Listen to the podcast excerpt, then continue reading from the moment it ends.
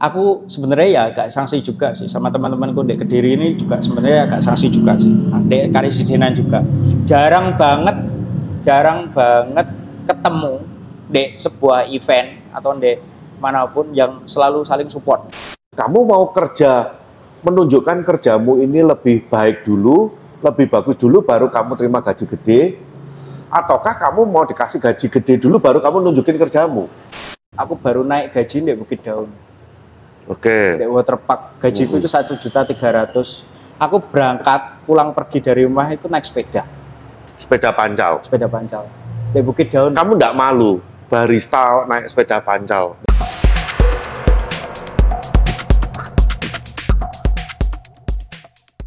Oke, halo Mas Gepeng. Halo, Pak. Selamat datang kembali di podcast No. Cincau. Ini uh, kalau kamu tak panggil ke sini ya kan. Berarti ada yang mau diobrolin ya. Ada dua alasan. Yang pertama ya kan karena kehabisan konten. Konten. yang kedua ya siapa lagi yang dia- bisa diajak ngobrol untuk mewakili Unek-unek barista barista. Wes, mewakili barista barista. mewakili mewakili suara-suara barista. Ya kita akan coba lihat karena ada eh, isu menarik ya. Jadi sebenarnya udah agak lama ya beberapa bulan lalu ya tentang barista maling. Barista maling. Jadi eh, beberapa waktu lalu itu sering teman-teman itu ya di terutama dari luar kota ya Hmm. posting eh, ini atas nama ini udah bukan barista kita lagi terus Hmm. kemudian eh, dia yes, pokoknya melakukan penggelapan duit lah dan macam-macam Iya. itu dan eh, terus pas waktu kita posting kan banyak komen yang masuk banyak Hmm. komen yang masuk banyak yang cerita juga wah ini ya di tempat kita juga kejadian seperti ini gitu. terus ujung-ujungnya ujung-ujungnya ya karena main slot main apa terus kemudian akhirnya nyolong apa dan kalau menurutku kan itu bikin jelek nama profesi barista Iya. ya kan nah terus kebetulan waktu itu ada temen kita ini yang Request. Tanya. request jadi dia request tuh ini tak bacain ya jadi Iya. yang request ini si Momot iya Momot dari selebrasi itu saya nggak tahu dia pro yang mana ya tapi ya tak bacain dulu baik Pak Will request dong pan kapan jenengan bikin podcast tentang faktor apa sih yang bikin ada penipuan di dunia kopi ya. Maksud saya bukan untuk membela si penipu, membela juga enggak apa-apa sih, Mot. ya kan? Tapi juga bisa jadi nih Pak, mungkin dari segi gaji di kedai-kedai masih kurang untuk memenuhi kebutuhan hidup mereka, terutama bagi barista biasa, dalam kurung tanpa job tambahan. Sesekali Pak, jangan bahas skill atau pengalaman figur kopi Indonesia mungkin bisa bikin podcast tentang pantasnya gaji seorang barista pemula sampai paling atas itu kira-kira bagaimana Pak? Terima kasih. Itu. Saya disambung nih. Soalnya dari pengalaman yang saya lihat, gaji di kedai terutama di Kediri ada yang menurut saya masih kurang Pak, meskipun buat pemula atau mungkin emang segitu ya, WK WK WK. Dan saya juga pernah ngalamin jenis penipuan di kedai mirip dengan kasus penipuan di kedai yang Pak Willy posting. Akhirnya yang kena imbas adalah satu tim di kedai tempat saya bekerja. Itu. Iya, iya, iya. So, jadi Mas Gepeng, kalau kamu sebagai barista, dulu kan kamu awalnya sebagai barista kan? Iya. Sam- Sampai sekarang, Mbak. Oh sampai sekarang, oh, sekarang kan udah jadi ini koordinator, udah jadi apa ya supervisor, Ya masnya anak-anak lah. guys. Jangan. nah ini yang dimaksud si Momot ini, kalau mama dari sisi baristanya sendiri itu gimana, Peng? Apakah maksud Momot ini gini, mungkin barista itu melakukan hal-hal kayak gitu ya karena gajinya kecil. Iya. Kalau menurut dari sudut pandangmu ini gimana? Apakah memang gaji barista itu sekecil itu sampai dia harus nyolong? Gini, Pak. Balik lagi nyambung yang dulu. Aku pernah bilang sama Pak Willy itu eh, kalau misalnya anaknya itu mampu diajak buat operasional, kalau misalnya anaknya itu mau aware juga sama alat-alat yang udah kita beli, terusan mau juga mikirin kalau misalnya tempatnya kita itu lagi sepi, drop dan lain sebagainya itu pihak manajemen pun mau ngasih gaji semintanya dia itu kita oke-oke aja pak. Itu Oh kita, iya? kita oke-oke aja. Oke aja asalkan sesuai sama kapasitasnya dia. Itu seperti apa? Kayak kayak gitu. Terus eh, kalau awalan dulu sih sebenarnya waktu aku pertama kali pulang ke Kediri sebenarnya ya juga downgrade gaji juga sih pak. Di Kediri itu saya Turun. saya turun. Turun Hmm. banget malah turun ya satu kali lipat lah turun satu kali lipat Oh, turun oke. banget turun banget cuman kan karena kebutuhannya dulu kan nggak terlalu banyak Hmm. terus Masih bujangan. masih bujangan dan juga Sekarang bajingan. terus terus. terus turun juga sebenarnya dulu di Kediri itu tapi balik lagi gimana caranya aku nge-create diriku sendiri itu kayak gimana ya sharing aja sih sebenarnya dulu sih ada juga waktu dulu masih di kedai juga aku juga sempat pernah dulu dituduh maling juga pernah pak Oh ya? iya dulu aku di kedai itu juga pernah dulu dituduh maling juga Kamu maling nggak? enggak Dikit-dikit enggak beneran masa duit apa buat Nggak. beli rokok? Nggak ada. Nggak pernah. Aku dulu pernah dituduh juga buat maling kayak gitu juga pernah. Ya wes, da, pihak ownernya juga dulu kan aku dulu- kalau di Kediri kan rata-rata kan kalau kedai kayak gitu kan barista plus ngasir, Mm-mm. plus plus belanja, plus plus juga breakdown pembukuan juga kayak gitu. Biasanya sih seperti itu kalau di Kediri. Ke ownernya ya wes pokoknya terserah kamu lah kayak gitu. Cuman ya ya tak kasih tahu juga loh ini loh duitnya emang buat belanja emang buat beli ini beli itu ini buktinya juga ada Hmm. nah terusan dulu kan kalau yang dulu itu juga nggak sistem kasirnya kan ada juga yang nggak pakai model-model zaman sekarang yang pakai aplikasi kayak gitu. Ada juga yang pakai nota kayak gitu. Padahal notanya juga ada numbernya juga. Itu dikira ada pesanan yang nggak dimasukin juga ada yang model kayak gitu.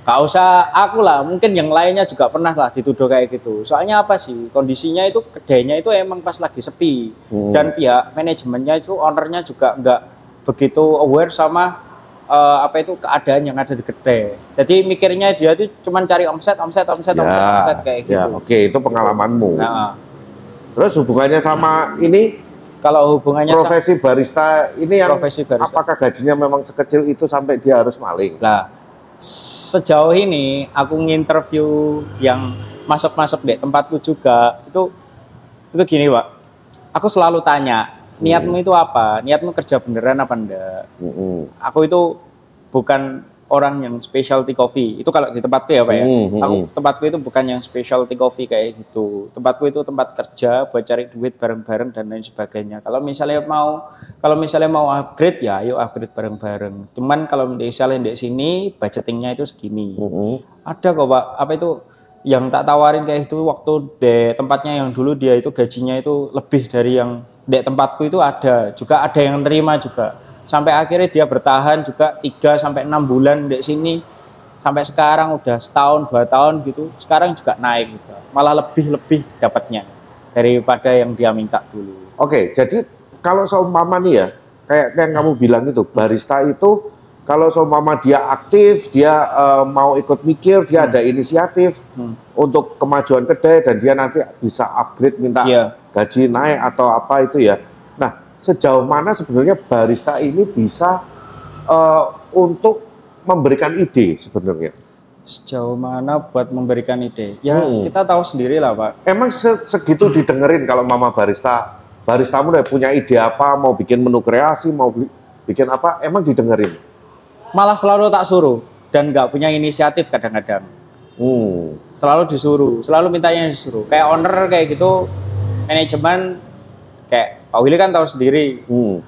Kokoku kan maunya kan ini itu ini itu Maunya banyak kok kamu iki, Mau- aku ya, ya, maunya banyak maunya banyak itu maksudku itu aku jadi istilahnya jadi backupnya koko itu buat nerjemahin apa yang dimau koko sebenarnya Hmm, itu hmm. koko itu maunya kayak gini apa sih angel gak seneng kokomu lah Hmm. susah buat seneng owner itu apa sih ya gak sulit tuh juga Hmm. istilahnya peralatan juga kita juga adain terusan kayak bahan-bahan juga kita adain juga kita tinggal jalanin apa yang koko mau aja loh Kok mau Hmm. aja loh. Apa susahnya gitu.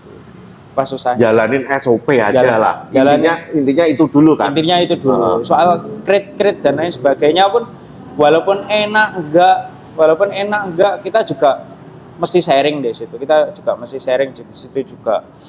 Terus lagi kalau misalnya yang gajinya murah-murah kayak gini. Aku soalnya tahu sendiri, Pak. Kalau di Kediri itu eh ya enggak semua sih. Anak-anaknya itu cepet puas. Enggak mau cepat puas. nggak mau upgrade. Jadi kalau misalnya dia itu bisanya udah di sana, bisanya udah di kopi, misalnya di latte art kayak gitu, dia nggak mau beralih ke kayak di mixology, kayak di mocktail, belajar brewing kayak gitu. Pengembangan dia pengembangan lainnya. pengembangan pengembangannya di situ itu nggak Cuman ada. puas sudah mama udah bisa bikin manual brewing ya udah. Ya wes. Tok situ, gitu situ ya. tok. Udah nggak usah kayak gitu pak. Hmm. Aku sebenarnya ya agak sanksi juga sih sama teman-temanku di Kediri ini juga sebenarnya agak sanksi juga sih. Di Karisidenan juga. Jarang banget jarang banget ketemu di sebuah event atau di mana pun yang selalu saling support di situ. Maksudnya gini, kita kan kayak datengin siapa ya? Misal datengin siapa di sini? Hmm. Yang hits lah, yang hits, yang Hmm. lagi pamor lah. Nggak ada anak Kediri yang datang kayak gitu, nggak ada Oh. Buat sharing session dan nggak kayak gitu nggak ada. Padahal aku sampai sekarang aja loh, kalau misalnya ke mana-mana kayak gitu, aku mesti, wah eman yo kemarin lagi deket orangnya dek Malang, aku nggak bisa ke sana. Hmm. Aku itu masih kayak gitu. Bukan karena aku punya duit loh ya, Hmm. emang dari dulu itu kayak gitu. Sampai sampai aku itu punya budget tersendiri sampai buat main-main kayak gitu, jajan kayak gitu masih ada kayak gitu. Jajan. Ya jajan, Jajan- jajan, jajan menu, Pak. Oh jajan menu. Jajan menu. Kirain kamu memang punya budget buat jajan. gitu. itu ada. itu ada. Nah jadi sebenarnya balik lagi nih ya, apa yang ditanyakan sama si Momot ini, faktor apa sih yang bikin ada penipuan di dunia kopi? Ya sebenarnya Itu dulu. ya sebenarnya gajinya emang kecil. Ya karena memang gaji barista emang kecil. baristanya ke- emang gaji baristanya kecil dan kebetulan juga mereka itu nggak sorry ya nggak milih-milih kedai. Jadi asal pindah, Oke. asal pindah. Kan kita nggak tahu pak. Owner kan juga beda-beda toh. Istilahnya Hmm. tujuannya juga beda-beda. Oke, nah sekarang aku mau nanya, untuk barista pemula, apakah barista pemula tuh ya, Hmm. apakah layak begitu masuk baru dapat gaji lebih tinggi daripada waiter? Apakah layak dapat gaji lebih tinggi daripada waiter? Tergantung. Karena kan barista gitu, aku tuh barista, Tergantung di mana. skill, aku nggak mau disamain kayak waiter. Tergantung tempatnya di mana. Hmm. Tergantung tempatnya di mana. Sorry kalau misalnya aku ngomongku di tempatku, misal di Hmm. Alenia, tak samain. Sama, barista Sama. baru masuk pemula sama waiters sama. Sama. Sama. Kan sama-sama kerja, Mm-mm. cuman beda divisi. Hmm, hmm, hmm. Lah terus kalau misalnya kalau misalnya gini wis. Kamu biasa di kedai, Mm-mm. biasa di kedai, biasa ngebar, Mm-mm. ngebar, nganterin. Tapi ke- setelah setelah masuk di Alenia kerja, ngebar tok. Kan sama aja. Oke. Kan sama aja. Misal di waiter, misal anak waiter masuk di Alenia, Mas aku pengen upgrade jadi barista. Hmm, hmm. Oke, tak kasih waktu, tak kasih peluang. Tapi kalau misalnya anaknya cuman kayak gitu-gitu doang, Mm-mm. terus pas waktunya rame, bal-bel, tang ting tang ting tang ting terus terusan nggak mau nganterin, kan anaknya sama aja pak, nggak aware sama customer juga kalau kayak gitu, Oke. nggak mau bantu juga kayak gitu, sok-sokan. Oke, tapi kan bisa saja gini. Hmm. Bisa saja barista itu ngomong gini. Aku barista, aku punya skill. Nah, Bisa operasikan mesin espresso, bisa bikin manual brewing, bisa bikin produk, ya kan? Dan dia kalau mema- diperlukan untuk jadi waiters, dia pun juga bisa. Tapi sebaliknya, waiters ini dia eh, memang fungsinya adalah untuk eh, running, ya kan, untuk operasional, untuk nganter-nganter. Tapi kan dia nggak punya skill untuk bikin kopi, pengetahuan tentang kopi, oh, mengoperasikan mesin espresso. Apakah layak untuk disamakan? layak, Layak untuk disamakan. layak, layak untuk disamakan. Soalnya Kenapa? kalau waiter kan lebih paham masalah operasional nata mejanya kayak gimana. Aku manggil-manggil waiterku, besok event ya boardroom, besok event ya Yusuf, barista, nggak ada yang tahu. Oke. Kalau misalnya baristanya pernah kerja di hotel, pernah kerja di hotel pasti tahu, pasti pernah bantu. Di hotel pun kalau misalnya barista pun bar sepi, Hmm. nggak ada yang nggak ada yang order, bantu di banket. Oke, oke, oke. Aku pun pelajari juga. Jadi sebetulnya itu maupun waiters maupun barista itu posisinya masing-masing punya kelebihan skill yang berbeda. Iya, Oke. oke, makanya oke. Des, di tempatku tak samain. Sama ya tak berarti ya. samain. Nah, terus gimana caranya si barista ini bisa upgrade lagi, dapat gaji yang lebih? round. Orang itu gimana? Coba All dijelasin, Bang. Round ya, maksudku ya dirimu jangan bisanya cuman ngebar toh. Dirimu Oke. juga bisa dirimu ya juga harus bisa create customernya kayak gimana. Mm-mm. Punya langganan enggak? Punya masa apa enggak? Lah masamu itu masa dari temanmu sendiri apa masa dari luar? Oke. Terusan belajarmu juga jangan cuman kopi doang. Mm-mm. Kalau misalnya belajarmu cuman kopi doang, kopi apa laku? Paling yang laku leciti. Leciti terbaru kayak gimana sih? Mm-mm. Punya supplier enggak? Bisa ngatur harga enggak? Leciti terbaru yang paling enak kalau pakai sirup Da Vinci. Sudah dicoba belum, Mas? Belum. Saya masih orang yang suka. terus terus terus kayak tahu-tahu apa itu eh belajar skill mocktail misal kayak Hmm. sekarang solo juicean kayak gitu loh mas tempatku kan nggak ada alat mas loh emang butuh alat Hmm. aku pun dulu sebelumnya dibelikan alat yang sekarang aku yo pakai manualan pak pakai manualan mau sufit mau bikin sufi kayak gitu ya pakai kompor pakai panci juga Hmm. baru udah jadi tiga kali lima kali bikin udah jadi udah dijual udah jalan ya baru dibelikan alat Oh. ya sama aja sebenarnya itu cuman ya itu loh kadang-kadang itu sorry kayak adik-adikku ini ya lain itu kadang-kadang Oke. cepet puas Oh, Pak. jadi oh, Mas Gepeng ini senior ya? Ya saya rumasanya gitu Oh, ya sepantaran saya kan pada tenggelam semua pak Wes, Dan oke. siapa Contohnya siapa tahu yang tenggelam? Benny juga udah jarang Disebut. Siapa lagi? Anam juga udah jarang. Anam siapa, Anam? Anam, Saiful Anam, Koirul Anam. Koirul Anam itu dulu anak lateat. Dulu di Grand Surya. Sekarang juga udah pindah di Bangket. Jarang mainan kopi. Malah kemarin katanya mendekar. Karena kapan-kapan diundang itu Pak anaknya. Siapa ya? Aku nggak kenal. Nggak kenal. Emang nggak begitu terkenal loh Pak? Karena di Kediri yang terkenal cuma kamu loh, Pak. Oke, jadi kalau mama aku eh, bisa ngambil kesimpulan dari yang kamu omongin ini, yang kamu jelasin tadi, berarti sebenarnya kalau umpama barista ini mau minta naik gaji, dia harus menambah value dirinya sendiri Iya. dulu. Mama dia selama ini cuma bisa barista, dia harus bisa nambah lagi Iya. value-nya ini Iya. apa. Nah, ketika value-nya dia ini udah lebih cuman nggak cuma hanya sekedar bikin kopi, baru si owner ini eh, atau dia bisa barista ini bisa request untuk memberikan gaji yang lebih dibandingkan biasanya. Hmm. Iya. Kayak gitu berarti. Kayak ada Pak Willy sering ketemu lah, Rizky, Bima, Studio, Hmm. Jackie. Tiga orang yang jadi porosnya menu-menu Alinea itu. Oke, oke. Tiga orang yang jadi porosnya menu Alinea itu. Hmm. Rizky tak kasih tanggung jawab di Papalim buat delegasiin apa yang udah kita create di manajemen. Oke. Rizky itu handle di Papalim. Tambahan nggak buat dia? Tambahan. Dia bikin menu juga di situ? enggak, enggak bikin menu, buat jagain aja. Oh, dia dia bertanggung jawab. bertanggung jawab di Seperti Papalim. Nah, oke, aku mau nanya contoh nih kayak Rizky ini. Ah. Ya, Rizky ya yang Rizky. jawab di Papalim ya.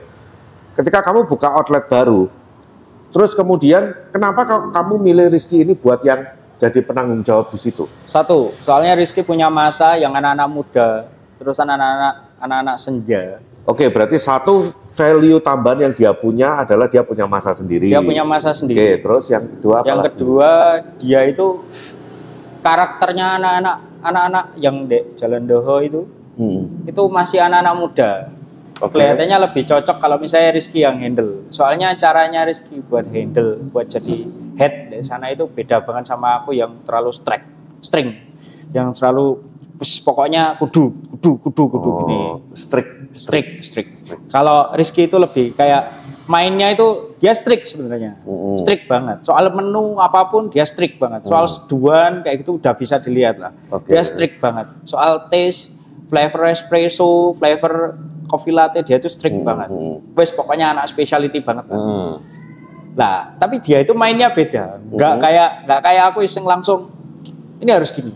Dia itu Oh, beda. Ini cara komunikasinya. Cara komunikasinya beda. Beda. Beda. Oh. Terus makanya aku ngasih tanggung jawab dari Rizky buat handle Dek Bapak Lim. Bima. Mhm. Bima itu adiknya Asep, dulu teammateku di Dek Society, Mhm. Dek City Hub, Mhm. adiknya itu. Dulu waiter pertama. Oke. Dulu waiter. Pindah di bar depan. Hmm. Di bar depan sering bantuin aku buat bikin-bikin produk-produk baru yang disuruh sama Koko. Koko pengen apa, dia yang bantuin aku. Koko pengen apa, dia yang bantuin aku. Ya wes, terusan tak tarik Dek eh, Miroku tempatku yang dulu. Sekarang Oh, sudah iya, tutup. iya, Miroku. Sekarang sudah tutup. Dia ada di head dari sana. Breakdown, pembukuan semuanya dia juga udah bisa. Dia bisa coaching juga. Coachingnya dia beda banget, nggak kayak aku yang militer. Oh dia bisa ngasih training Bisa juga ngasih ke anak-anak. bisa ngasih training dan trainingnya itu lebih halus, lebih halus, lebih Ya dia punya style sendiri. punya ya. style sendiri. Tapi dia juga strict. Mhm. Dek menu juga strict. Terus bikin-bikin menu, misal aku bahan ini nggak ada ya, Hmm. sama dia pasti dicariin. Pasti dicariin, Mas ini sama aja kayak gini, terusan harganya segini.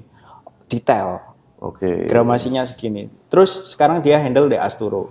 Berarti memang ya itu balik lagi harus nunjukin dia ada value lebih ketimbang cuma hanya sekedar Iya. jadi barista. Iya. Baru supaya dia bisa dapat gaji lebih lagi. Lebih lagi. Berarti kayak gitu ya. Lebih lagi. Berarti bukan berarti eh, supaya nggak nyolong barista pemula langsung dikasih gaji gede kayak gitu gimana? Aku nggak setuju. Nggak setuju. Nggak setuju. Emang dia punya skill. Emang dia bisa lebih jago daripada aku.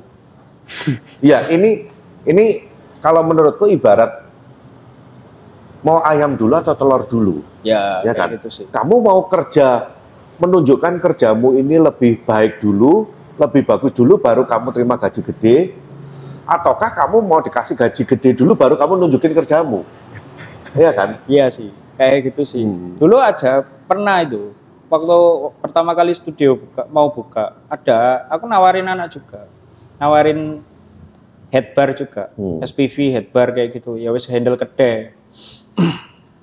Nego gaji, gajinya mintanya gede, oke, sama gue di oke. Hmm. Sama gue di oke.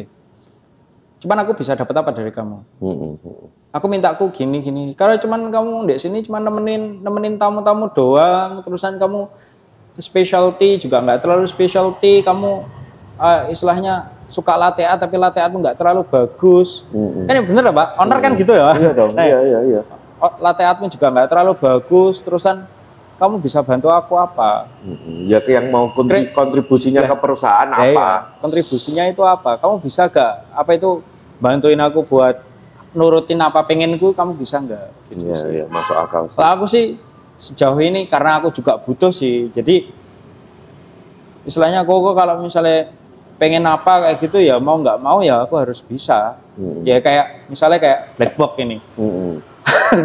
Mm-mm. black box, black box ini.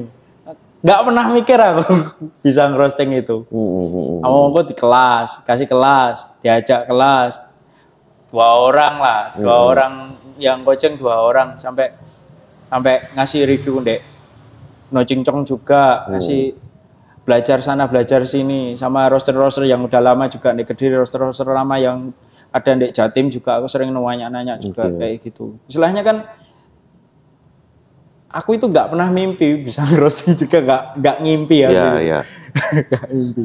Nah, berarti eh balik lagi ya ini eh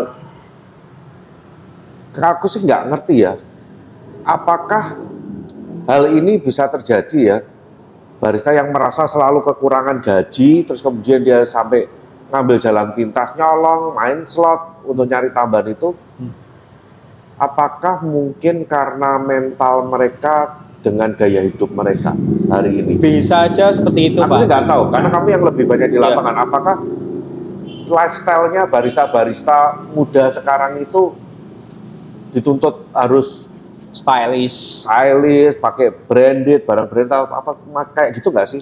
Soalnya lihatnya itu mereka udah yang enak, Pak. Kayak ada lah, kayak staffku aja loh. Staffku itu ada yang Mas Gepeng ini wis penak enak deket sama Koko, deket sama Kelvin. Hmm. Eh istilahnya wis nggak nggak bakalan kekurangan, soalnya Hmm. deket sama owner. Oke, oke. Duh. Nyoba tak? Hmm. Dua bulan gantiin aku. Nah, Ayo. kuat apa gak? Enggak. Ayo. Lah nyoba, gak apa-apa. Dua bulan aja. Wis gak usah dua bulan, seminggu lah.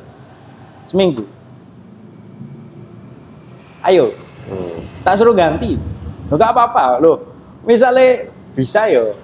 Malah seneng aku malah. Aku kan enak, iso ngebar doang. iso ngebar doang. Apa iso roasting doang. Lah ya, makanya balik lagi, apakah itu ada hubungannya sama lifestyle-nya barista sekarang dengan mental mereka atau gimana gitu loh? Ya medsos mempengaruhi juga sih, Pak. Hmm. kayak kayak sekarang kan barista-barista kayak di kota-kota gede kayak gitu kan emang dituntut kudu stylish juga. Mereka Mhm. juga perlu lah kayak misalnya apa ya beli sneakers kayak gitu, beli sepatu sing mahal. Apakah barista sepatunya harus Air Max. Air Max atau Vans? Ya stylenya emang gitu, Pak. Mhm. Lah aku sih nuntut anak-anak emang tak suruh beli sepatu yang nyaman buat kerja sih, Pak. Hmm. Tak suruh beli yang nggak KW juga sih. Aku ngomong loh sama teman-temanku dari dulu. aku. Tapi kalau mama beli Vans yang ori kan mahal 900 ribu, Kenapa? 800 ribu. Nabung bisa, Pak. Nabung mau berapa lama? Aku dulu Gaji dipakai buat bayar kos-kosan. Siapa? Ya salah sendiri kos. Lalu terus gimana kalau nggak ngekos? Mama rumahnya jauh. Kan mes bisa pak. Ya kalau yang ada mes, tapi kalau tempatnya nggak menyediakan mes. Jadi dia nggak pinter cari peluang buat kerja. Loh ya gimana kan dia baru dapat mama tempatmu, let's say di tempatmu nggak menyediakan mes, ya dia kan harus ngekos. Kalau misalnya kayak gitu, kenapa kok nggak pilih yang lebih dekat?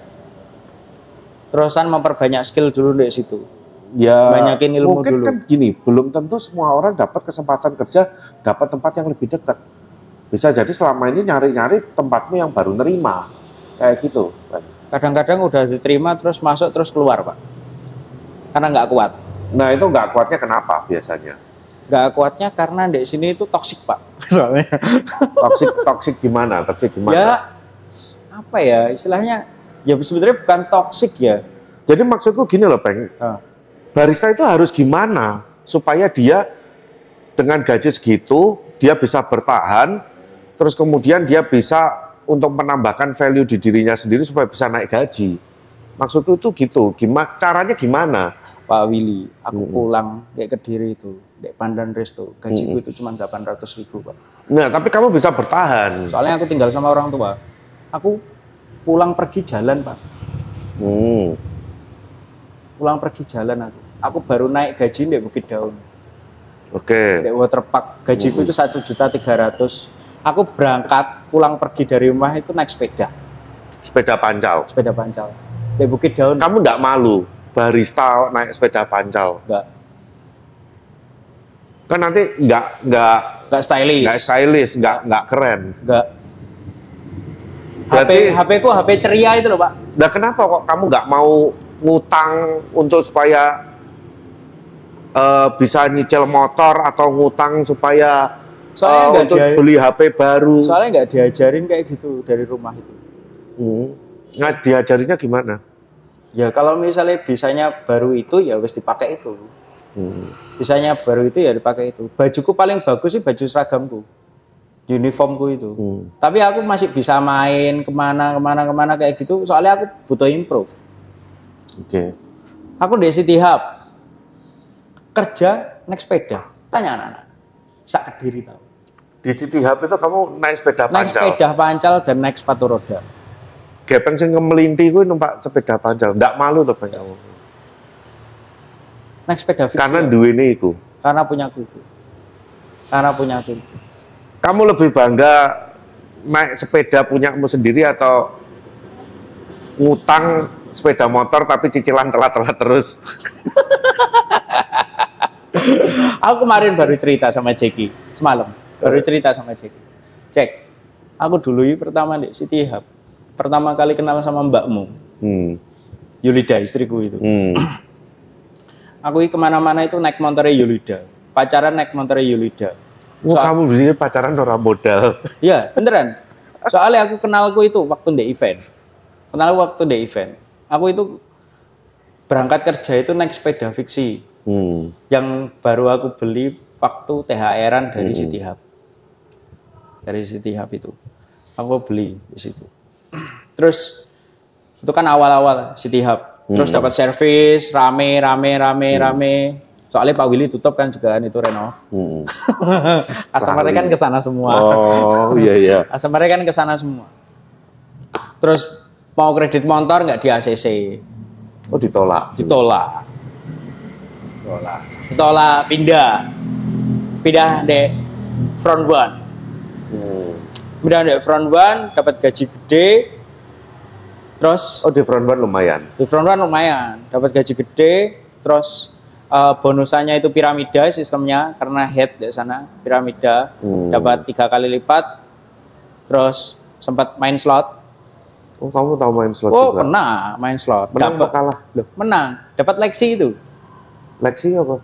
Motor itu, Yamaha Lexi itu. Oh, Itu hasil slot itu. Jadi disarankan nggak barista main slot? Disarankan kalau misalnya beruntung dia. kan aku sering menang pinggiran, Pak. Tapi ya mungkin karena problemnya itu sekarang barista itu gak tahan untuk Cobaan hidup. susah. Ya, Ya, bisa jadi ya. bisa jadi. Ya aku sih juga kalau ngelihat zaman aku dulu lek mau mau aku tuh mungkin sama kamu agak mirip. Lek memang aku duwene iki, aku punyanya cuman ini. Wis aku nggak mau sok-sokan. Wis punyanya ini ya ini. Main punyanya ini ya ini. Zaman aku bangkrut dulu ya, aku waktu di Bali nggak punya duit apa. Ya sepatuku ya cuma satu, tak pakai ke mana-mana. Kalau ada kerjaan ya pakai itu. Sandalku ya cuma niku. Nang didi gaya sandal kalau ada event ada acara baru pakai sepatu. Sepatu ikut tas itu, lek gak jebol gak beli lagi. Kayak gitu. Aku baru pertama kali beli. Aku kan suka sneakers, tuh, Pak. Hmm. Dulu waktu pertama kali beli yang asli, Nike Air Jordan SB itu. Dulu itu aku kan handle sempat dua tempat tuh, waktu di Hmm. Peh Kopi kan sempat handle dua tempat di Harmony Cafe sama di Peh Kopi. Jadi Hmm. kalau misalnya siang itu aku di Harmony buat handle di sana. Hmm. Kalau sore ke malam itu ke pagi jam 2 pagi kan dulu tutupnya Hmm. itu. Pagi itu aku handle di Peh Kopi, dua tempat itu. Kehujanan. Kehujanan karena saking bangganya aku beli Nike itu. Nike. Naik itu. Haryo tahu, Haryo tahu. Soalnya ketemu aku di lampu merah. Ah. Pek, kok gak copot sepatu? Enggak, asli lagi. Oh kamu masih kayak gitu, aku sih enggak. Gitu. Aku lagi gak mampu, no, ya enggak lah. Gitu. Tapi mungkin orang ya beda-beda ya. Cuman ya tinggal dia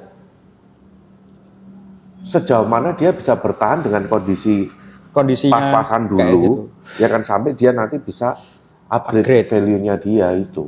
Soalnya gini, Pak. Kalau misalnya udah jadi barista itu kalau di sini tuh kayak wah banget kayak gitu loh, Pak. Hmm. Pikirannya itu seperti itu. Apalagi kalau misalnya tempatnya gede, Hmm. tempatnya rame, mesinnya bagus, kayak gitu pasti wah. Pasti wah, wah kayak gitu Mas ya. Untungnya aja staff-staffku yang sekarang itu nggak ada yang kayak Hmm. gitu. Istilahnya tetep lah tak tak pandu terusan. Hmm. Nyapo sih, loh gak pengen tuku sepatu tak? Hmm. Loh kemarin kan baru baru THR-an. Terusan kemarin kan baru dapat bonusan. Kenapa nggak ditabung? Iya, jadi ya balik lagi ya, ketika diomongin, lo apakah gaji barista kurang? Ya tergantung masing-masing individu lagi. Iya. Ya ibaratnya walaupun kamu dikasih gaji gaji gede, tapi lek bendino jaluk mau mangan McD, ya kok nggak akan pernah cukup. Kowe tiap seminggu dua kali terus kamu dugem dek Maxi minum-minum ya kan ya nggak akan cukup dikasih gaji berapapun Ah, kok gitu. ya kan Aku habis keluar dari Bukit Daun, itu aku downgrade malah. Habis Bukit Daun itu gaji 1.300.000, aku downgrade gara-gara Bukit Daun itu tutup. Aku ngelamar di Idealis, Hmm, hmm. Idealis Cafe Imam Bonjol itu. ini ucok Ini Ucok, tempatnya Mas Ucok itu. Gajiku cuman 900.000 dan aku kudu PP dari rumahku yang di Sultan Agung sana ke Imam Bonjol itu jalan kaki. jalan kaki kamu Jalan dulu? kaki. Dan sepeda fiksimu tadi? Dulu kan naik MTB. Lah Ah. MTB-nya itu dipakai adikku sekolah. Oh. Pakai adikku sekolah. Ya wes aku jalan kaki. Jalan Kal- kaki jalan idealis. Kok gak naik angkot? Duh, dulu kan wes nggak ada, Pak. Oh gak ada ya angkot Udah nggak ya? ada. Mau gojek ya cuman gaji cuman segitu. Go- Gojek mahal dong. Mahal. Gojek mahal. Mau gojek mahal. Gajiku cuma 900, Pak. Oh. 6 bulan pertama itu ya. Gajiku cuma 900 ribu. Hmm. Aku itu jalan kaki. Pas itu pernah sih. Hujan daweres, aku pas masuk sore jam 5 harus jam 5 harus di outlet, jam 5 harus di kedai, di idealis di kafe. Hujan daweres, aku wis paketan nggak ada, susah ya pak. Hmm. Paketan nggak ada. Bacot ya kayaknya. Bacot, Pak. Paketannya tapi gak duit. Aku dulu parkir kota pak, Parkir kota. parkir kota. Parkir wifi. sempat sempat sempat Ya. sempat parkir kota lah wifi wifi kudu nyambung di kudu nyambung di kafe kudu nyambung di outlet jalan kaki aku pak jadi seragamku tak masukin di kresek aku jalan kaki dari rumah ke sana Udan-udanan. hujan-hujan bisa ditanya anaknya ada Tentu. anaknya yang anaknya yang tahu aku datang itu ada Ya balik lagi ke mental masing-masing ya. Mereka mau mau susah gak gitu loh. Mau anak sekarang dulu itu nggak ya? mau susah beneran nggak mau susah Oh, alah betul. kau gitu justru ngelebur aja nggak ada yang mau berani jamin aku maunya itu ya kalau misalnya ada event event jak ngopi mau padahal bahasnya ya gibah-gibah biasa kayak gitu sih kalau misalnya event event ya cuman kayak gitu doang sih maunya itu minta gaji gede doang lo minta gaji gede loh cuman apa itu value-nya cuman kayak gitu-gitu doang ngapas Ya berarti banyak yang menganggap dirinya over value. Merasa dirinya layak di gaji gede. Padahal sebetulnya value yang mereka berikan itu ya sebetulnya ya nggak gede-gede amat. Tapi mereka maunya gaji gede. Mungkin ya kayak gitu ya. Bisa jadi ya. ditanyain ini nggak tahu ditanyain itu nggak tahu bikin event molor-molor terus value mu apa garap event molor Hmm. bisa mau apa cuman kayak gini-gini doang garap menu di sini muktil sirup tok Ya susah ya. Makanya kadang topik kayak gini itu jarang terjamah Iya, maksudnya gila, aku susah buat ketemu orang yang bisa, karena memang terlalu personal. Jadi tiap barista itu akan punya problem sendiri-sendiri gitu loh. Ya sekarang gimana caranya supaya barista nggak nyolong? Ya susah juga ya, karena ya balik lagi ke mentalnya barista itu sendiri masing-masing kalau menurutku. aku jemput istriku Ah. di Surabaya waktu aku di City Hub pengen nyamperin di sana Hmm. pakai motornya Desi Oh nyileh motor Desi. Yuk, tanya Desi kok disili Desi ya? oh terus?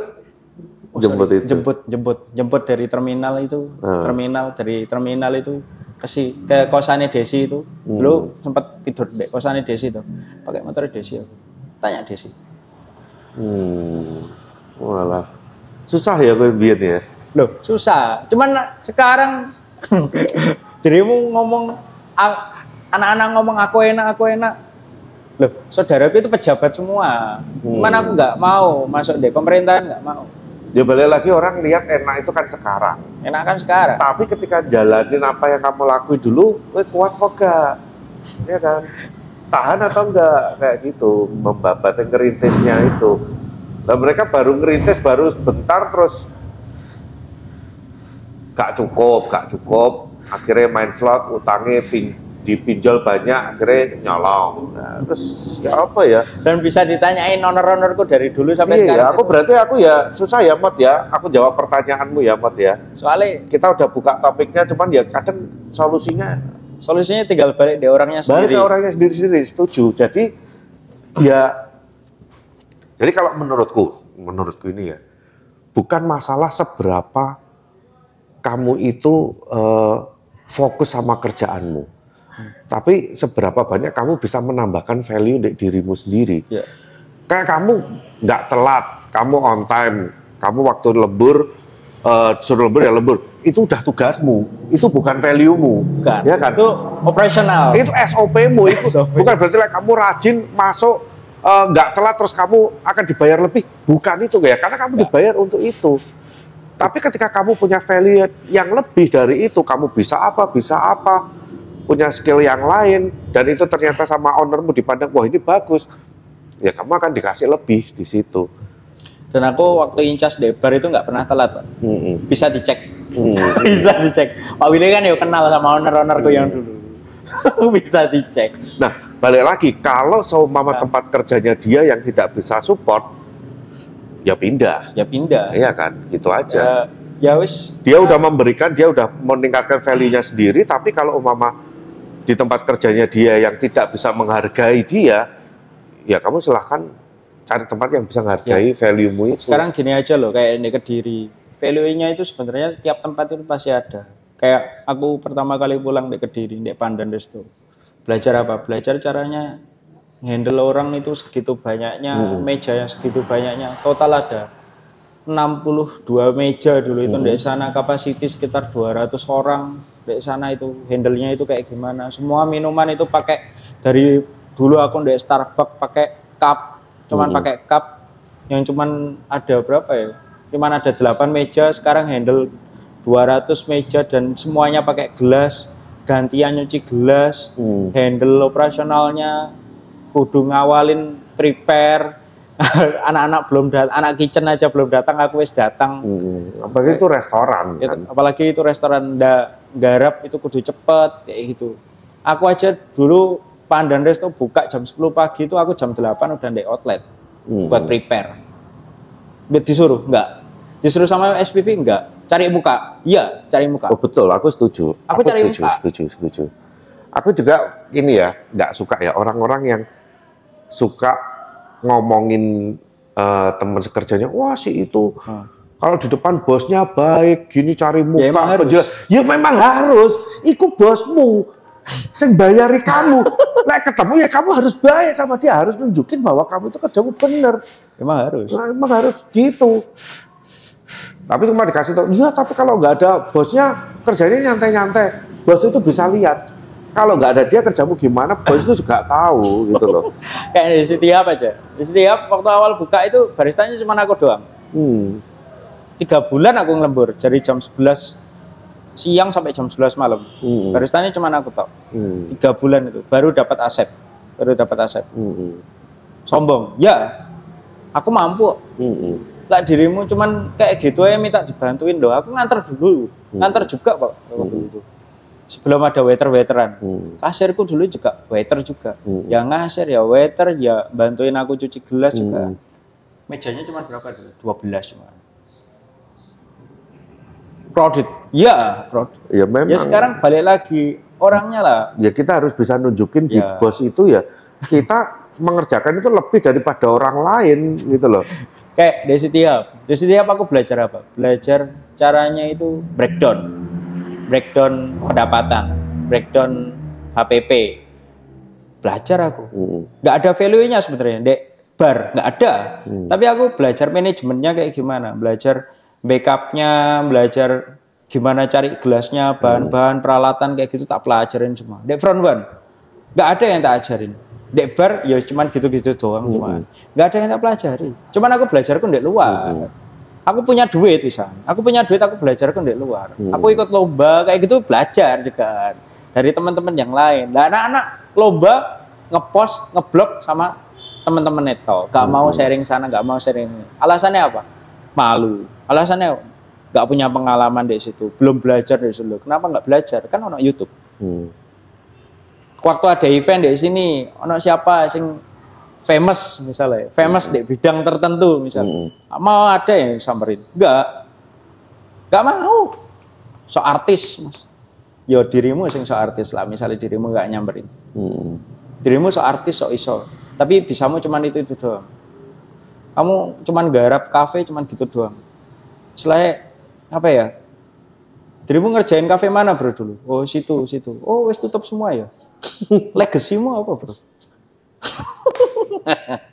Legasimu apa? Lah aku sih gitu sih. Lah aku Tapi ya, sampai sampai sekarang gitu sih. Sekarang pun kan juga akhirnya gini, eh, banyak juga barista akhirnya yang nyari tambahan itu eh, nyambi jadi konsultan. Oh nyambi jadi konsultan. Oh jadi iya. konsultan kopi, terus kemudian ya pokoknya eh, merasa iso ngerti, ngerti brand-brand, merek-merek, supplier, ya jadi konsultan kopi. Iya. Nah, Nyambi jadi konsultan. Itu ada pak. Itu termasuk maling juga pak. Maling menu yang ada di kafenya dia. Itu termasuk cheating. maksudnya gimana? Maksudnya gimana? Dia kerja di kafe. Mm-mm. Great. Mm-mm. Pakai bahannya kafe tuh. Mm-mm. Ditampilin. Mm-mm. Terus ono kafe misal dia kerja di mana? Di Malang misalnya. Mm-mm. Rumahnya di Malang, kerjanya di Kediri misalnya. Mm-mm. Mm-mm.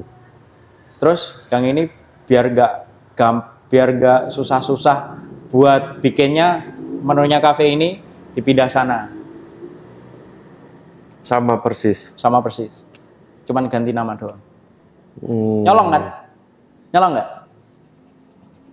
Menu itu aku nggak tahu ya kalau hal-hal kayak kayak menu apakah itu bisa dibilang nyolong atau enggak itu aku tuh masih 50-50 kalau buat aku karena gini ibaratnya menu minuman itu ya sama kayak Ya. Tapi kalau Makanan. sekarang kan ada menu-menu yang modelnya pakai liquid-liquid bikinan sendiri kayak gitu loh Pak. Sekarang itu. Itu kan anu, sebetulnya Free. menurutku itu masih nggak masalah ya nggak masalah. menurut menurutku ya Pak menurutku Willy nggak nggak masalah. karena banyak juga yang melakukan itu terus kemudian gini banyak yang melakukan bukan berarti itu benar ya Hmm. tapi maksud aku gini yuk kita belajar oh bikin minuman yang enak itu resepnya itu kayak gini oke terus ketika aku nanti udah keluar dari sini aku kerja di tempat lain Hmm. aku bikin dengan hal yang sama terus aku ngerubah-ngerubah cuman sedikit terus kemudian tak kasih nama yang berbeda menurutku menurut aku sih sah-sah aja ya Gak apa-apa ya. menurutku masih nggak apa-apa Kalau aku sih termasuk nyolong sih Pak. Kalau aku. Hmm. Soalnya bikinnya sama aku. Oh, kamu merasa resepmu di Bukan. dicuri. Great by Delicious Good yang dipakai di Mm-mm. tempat lain. Aku nggak suka. Hmm, ya. Ya boleh aja kalau misalnya itu anak wes keluar kayak gitu. Oh, ini Kadang-kadang ada- oh, kadang-kadang belum keluar. Kadang-kadang ada yang belum keluar itu dulu wes keluar tapi anaknya. Itu gini, kalau hal kayak gitu menurut aku masalah etika. Ya Itu masalah etika. sama aja nyolong, Pak. Nyolong kan etika, Pak. Oh enggak no, nyolong kan kriminal. Oh, nyolong kriminal. Nyolong kriminal. Pak kayak gitu etika. Kayak gitu etika. etika Kan- bisnis. etika profesi. Etika profesi. profesi, gitu loh. Kode etik. Ya, sam- sama kayak gini lah ya. Eh kita bikin minuman hazelnut latte. Hmm. Cuman espresso dikasih susu, dikasih sirup hazelnut. Semua orang bikin. Semua orang bikin. Oke. Terus apakah itu nyolong menu kan juga enggak juga. Enggak. Semua aja. Ya kan semua- es semua kopi susu, Ah. pakai gula aren, ditambahin espresso, ditambahin susu, susunya pakai UHT, terus nanti ditambahin creamer. So itu dipakai di tempat lain. Lah apakah itu nyolong? Kalau menurut aku ya enggak. Enggak. Gitu. Oke, siap. Jadi nggak apa-apa. Menurut aku sih nggak apa-apa. Cuman yang eh, mungkin yang etikanya yang bisa disalahkan adalah kalau bukan dia yang create, Hmm. tapi dia mengklaim itu bikinannya dia, itu yang menurutku oh, salah. Itu. Siap, siap, siap. Contoh waktu itu create signature drink di tempatmu Ya. bareng-bareng Hmm. ya kan. Ya kamu juga ngasih ide ini, satu ngasih ide ini, ibaratnya satu menu ini dibikin bareng-bareng. Ya. Terus kemudian di tempat lain dia ngomong, wah aku punya menu bagus ini ciptaanku sendiri. Mengklaim seperti itu, nah itu ya itu yang salah. Oke, siap, siap. Ya, kayak gitu. Karena karena hal kayak gitu menu kan nggak bisa dipatenin. Ya sih. Nggak ada hukumnya. Belum, belum dihaki. Ya iya, karena susah kalau kayak gitu. Karena kan resep minuman, resep makanan, kayak gitu. Susah lah kayak gitu.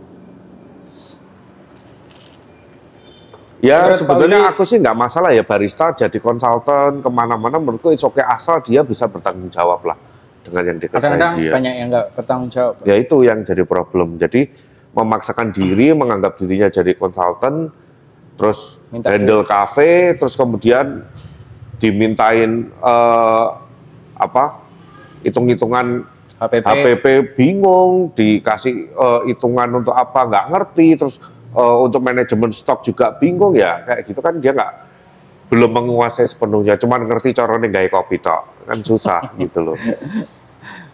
Banyak sih sekarang Pak Hmm. yang kayak gitu. Pokoknya kenal sama supplier jalan Mm-mm. sama supplier jalan kayak gitu banyak sebenarnya banyak yang minta juga sama aku Mas Andi minta dibikinin menu wah langsung aja sama Koleo ya Hmm. saya nggak berani ya Hmm. nggak berani banyak pak yang kayak gitu itu langsung tak kasih WA nya Koko sendiri Hmm. Hmm. udah minta sama Koko aja akhirnya bikin bikin itu konsultan-konsultanan itu Iya, iya, iya. Cuman- apa-apa, tapi yang penting kan fair, gitu Ah, loh. Yang penting fair.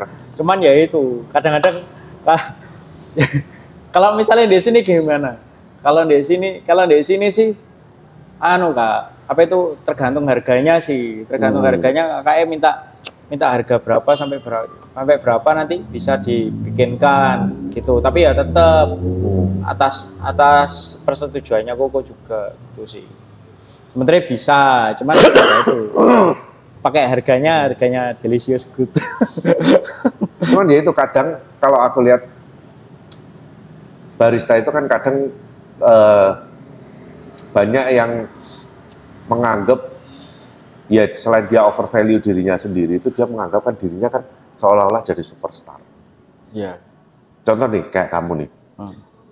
Orang udah lihat, wah Gepen ini di alinya wis udah gini-gini. Akhirnya kan orang kan kayak tadi nih, minta kamu yang suruh bikinin menu atau apa atau minta ini yang minta ke kamu personal, ya kan? Padahal orang itu belum tentu akan minta ke kamu kalau kamu nggak kerja di alinea juga. Iya. Iya kan? Kadang-kadang ditawarin. Ah, Nah, tak, orang barista itu banyak yang lupa. Dia ngerasa Wah, yang aku yang hits. udah top itu dirinya, padahal dia nggak melihat benderanya dia itu gitu loh. Ada. Hmm. Banyak Ada yang yang gitu. gitu. Ya, aku sih apa ya istilahnya? Kalau misalnya misalnya kan bendera aku kan sekarang alinea lah. Bendera aku sekarang alinea. Hmm. Istilahnya yang bikin yang bikin aku tambah nyaman sekarang kerja ya alinea juga sih. Apa yang ada di dalamnya situ itu terus termasuk mimpiku sih sebenarnya. Saya istilahnya kayak punya cafe table-nya banyak, Hmm. punya cafe bisa setup buat meeting yang dulu aku pelajarin juga di Hmm. hotel, punya ada mantan senior-seniorku juga di situ. Hmm. Yang sekarang jadi teman-temanku kerja juga.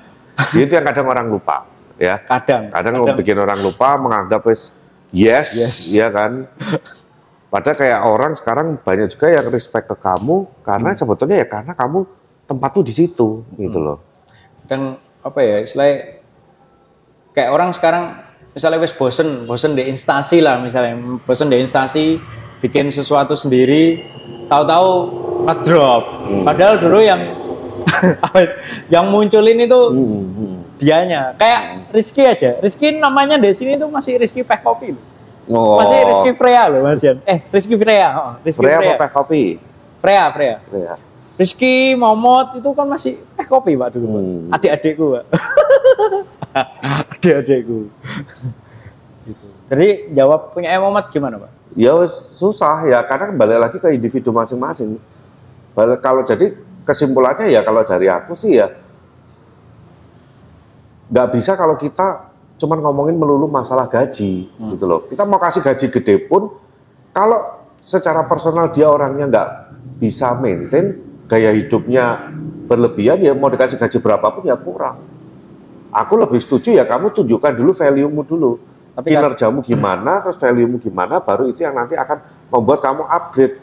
Dan ketika kamu di posisi dengan gaji yang masih segitu standar segitu ya kamu harus ngempet harus nahan harus jangan memaksakan diri untuk untuk lifestyle yang berlebihan. Ya kamu harus nahan diri dulu sampai kamu memang benar-benar punya duit. Tapi kadang-kadang ya kasihan juga sih kayak Momot kayak gini kasihan sebenarnya. Kayak anak-anak kayak gini kasihan. Kadang-kadang dapat owner yang nggak terlalu support juga ada kayak gitu. Bisa. Hmm. Nggak terlalu support ada. ya itu Kadang wis disupport anak-anaknya juga nggak Nah mau. makanya balik lagi, mau yang dia yang berusaha inisiatif atau nunggu ownernya yang support, kadang gini, owner pun juga nggak ngerti dunianya kan, nggak tahu. ya kan? Kayak Iya toh, sekarang kalau mam- bukan baristanya yang ngasih ide, kasih masukan ke ownernya, ownernya ya juga, ya wis pokoknya dodolan kopi aja, pokoknya buka kafe, karena dia nggak memahami itu, gitu. tadi baru ketemu sama orang yang kayak gitu. Hmm. Tadi ngobrol Gimana sama aku. ceritanya? Ngobrol sama aku tadi. Jadi tadi itu ceritanya Ini ownernya maksudmu? enggak dia yang handle. Oh dia yang handle itu. Dia sebenarnya dulu nek proyek, kebetulan proyeknya itu punyanya Pak Leknya dia sendiri yang punya duit. Hmm. Jadi orang punya proyek terusan bikin kafe, Hmm. dianya yang orang proyek itu yang handle itu, yang tadi ketemu sama aku itu dia Hmm. suruh handle dek, Hmm. dek restonya dia itu. Dia nggak tahu apa-apa, nggak tahu soal F&B, nggak tahu soal hospitality itu kayak gimana, nggak paham. Terusan dia sering banget nongkrong dek, Alinia sering banget, Hmm. sering banget. Mesti pesennya espresso pak, Hmm. mesti pesen espresso. Selalu pesen espresso. Terus di sana pasti lama. Terus dia tadi memberan karena espressonya itu aku yang nganterin. Hmm. Dia sering tak sapa soalnya. Mas, dia ngajak ngobrol. ya, Mas permisi mau ketemu sama anu apa itu headbarnya. Oh iya Mas, bisa dibantu Mas. Hmm. Oh, anu Mas ini ya Mas, aku pengen sharing-sharing soal apa itu kafe sama kopi ini gimana Mas? Hmm. Terus? Dia buka di daerah bandara sana itu. Oh. Dia buka di sana. daerah bandara sana. Dan kebetulan yang bagian kitchennya itu dulu pernah kerja sama aku. Oke. Dulu pernah kerja sama aku Dek City Hub Hmm. gitu, sama Dek Pandan Resto, dua orang itu. Hmm. Sekarang kerja bareng sama dia Dek situ. Hmm. Terusan aku dikasih tahu sama ini loh Mas, apa itu stafku, stafku kitchen loh. Siapa? Ini loh Mas, ini loh dua orang ini. Wah lah, ya dulu teman kerjaku itu suruh mampir ke sini. Makanya aku main tanya-tanya, tanya-tanya itu. Jadi ini Mas Gepeng ini sing di wongnya gak Hmm. Gepeng, sing di wongnya gitu. gitu sih Pak. Terus akhirnya ngobrol-ngobrol itu, aku itu buta banget mas soal hospitality, Hmm. bingung aku arahku itu pengennya kayak gimana. Ya wis, Hmm. sama nih, ya tak kasih tahu. Gini loh mas, kalau misalnya mau buka mau buka kafe, mau buka F&B itu kalau misalnya sampean nggak mau repot ya pakai konsultan. Hmm. Kalau misalnya pengen agak repot sedikit ya paling enggak sampean itu di tiap divisinya itu punya staff yang mumpuni lah gitu. Hmm. Ya nggak apa itu loh tapi aku ini sama sama ownerku itu disuruh pakai orang warga sekitar sini. Ya aku tahu sendiri toh Pak. Hmm. Orang warga sekitar kan ya nggak melulu punya skill Iya, yang iya, iya. buat jadi jongos Hmm. yang melayani Hmm. orang gitu nggak semuanya kayak gitu Hmm. aku nganggep aku jongos pak juga Jadi waiter susah loh, susah loh. susah, Susah. Loh, anak baru lah tak suruh keluar nggak ada yang mau Hmm. coba tak tantang aja Oh, iya. cobaan ndak aku ani aku. Soalnya aku wis pernah nikmatin. Mm. mm. pernah nikmatin jadi waiter itu kayak gimana wis pernah nikmatin. Gak langsung ngebar aku gitu Mm-mm. gak langsung ngebar aku. Terus Hari ini waiters yang bagus ya Cika. oh jika pernah nangis itu? Omel. Omel ini tuh jika itu Ya enggak mau, bawa mele lah nangis aku cukup. gitu jika jika pernah tak bikin nangis itu. Eh. semuanya pernah tak bikin nangis itu ya memang ya kalau di kerjaan ya kayak gitu. Ya, we'll see lah ya nanti ya. Eh, kita juga berharap eh, profesi barista ini nggak dicap terus jelek jelek, terus eh, sukae judi slot, eh, terus nyolongan ya jangan sampai seperti dan itu. profesi barista itu nggak pernah diakui di buku rapot pak Ya memang nggak ada. aku itu loh pak. Sampai beneran pak. Anakku loh pak. Kan sekolah. Eh. dua-duanya itu. Dua-duanya sekolah. Di sekolahnya yang sama. Kerjanya papahnya apa? Barista. Apa kuwi? Boy, bartender tuh mas? Bukan. Barista. Bartender itu buat alkohol Bu. yang pokoknya bikin minuman basicnya alkohol kalau barista itu ya kopi ya mocktail kayak gitu. Istriku kan yang. Eh, bapaknya itu nggak mau tanda tangan kalau misalnya nggak ditulis itu. Emang aku nggak mau pak. Aku pengennya ditulis pekerjaan orang tua barista. barista. Oh. Iya, iya. Aku iya. aja dek kakak dek dek mana ya? Dek kakak. Kakak tulisannya wira swasta. swasta. Wira swasta pak. Wira swasta usaha sendiri dong Nah, berarti. nah iya tapi ditulisnya itu. Oh. Ditulisnya itu. Padahal aku pengenku dulu itu pas pengajuan dek kakak dek di spenduk itu pengenku barista. Susah, Loh, sekarang karena- loh, kalau misalnya kayak aku lihat podcastnya Pak Willy yang apa itu eh, LPK profesi barista itu loh Pak. Lah ngapain sekarang LSP. LSP? Lah ngapain sekarang pemerintah bikin LSP profesi barista tapi lah misalnya di, di spendek itu gak dituliskan barista. Ya karena belum populer. Oh, belum populer. Belum populer. Istilah barista ya, ya itu kan profesi modern kan sebenarnya. Nah, sedangkan kalau mungkin catatan kependudukan itu kan ya masih masih kuno, jadul. Oh. Orang-orangnya juga orang-orang lama yang nggak ngerti kamu ngomong profesi barista ya mereka juga nggak ngerti opo iki. Tak 10 tahun lagi jadi baru bisa ditulis. Mungkin ya, mudah-mudahan. ya. Tergantung teman-teman di asosiasi bagaimana untuk mempopulerkan Oh, lagi iya. supaya lebih bisa masuk ke pemerintahan. Jadi dicatatnya itu mesti langgak swasta, Swasta. wira swasta. Iya. Kerjanya mana Mas? Kafe. Oh, swasta, berarti kerja melok wong swasta. Yes. Pekerjaan apa? Mas? Roster. Jadi apa? Wira swasta. So, wira swasta. Wira swasta. Wira swasta. Es.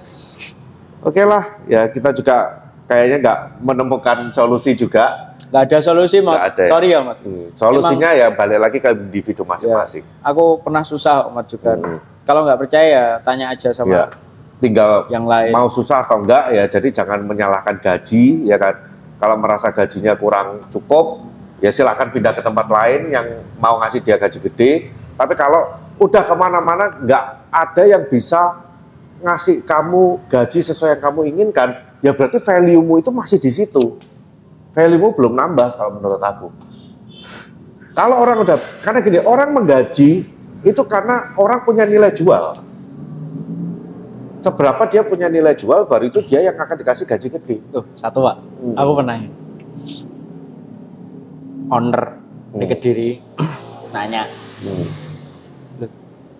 aku ke- loh si A kemarin ngelamar di sini loh mas. Oh iya ngelamar di sini. Nawarin gaji mas? Enggak, tak samain sama sini, sama anak-anak baru di sini. Hmm. Standarnya segitu ya segitu. Loh dulu itu anu loh mas, tak gaji segini loh mas. Hmm. Hmm. Loh masa? Iya. Soalnya dia itu handle ini, handle itu, handle minuman sing dingin, mi- minuman sing panas juga, minuman sing kopi juga, Hmm. nge-waiter juga. Sittingmu berapa mas? Hmm. Cuman 20. Mahalin mas. Nah. Ya bukan aku merendahkan. Iya, iya, iya, iya, bukan niatku merendahkan. Kan aku bagian dari manajemen. Ya kan Ngerti. mungkin mungkin di situ gini, mungkin di, di tempat itu karena dia yang paling menguasai. Paling menguasai. Ya bisa Ah, jadi. Ya kan makanya dia dapatnya lebih di situ menurut ownernya dia layak diberikan segitu. Lah dia pengen mintanya itu gajinya segitu juga. Hmm. Ya wes, minta berapa? Ya paling enggak disamain Mas Peng. Hmm.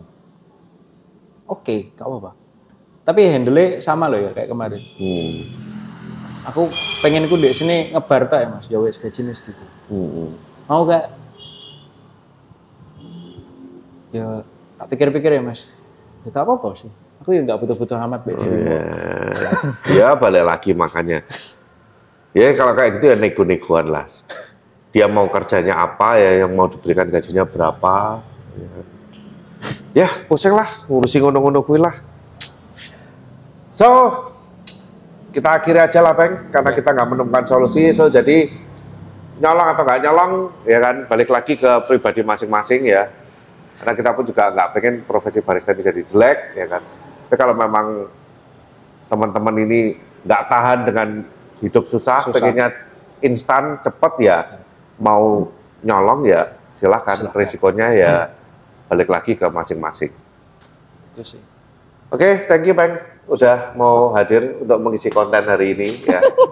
Kontennya nanti judulnya apa Pak kira-kira? Wah, nggak tahu. Tak golek kata-kata sing clickbait dulu. Apa ya? Apa enaknya nggak kata-kata apa ya? Bingung aku. Nah, nanti aja dipikirkan. Oke, siap. Oke, so thank you teman-teman udah mau menonton episode kali ini dan sampai ketemu lagi di episode berikutnya. Salam no, Oh, cincong. cincong.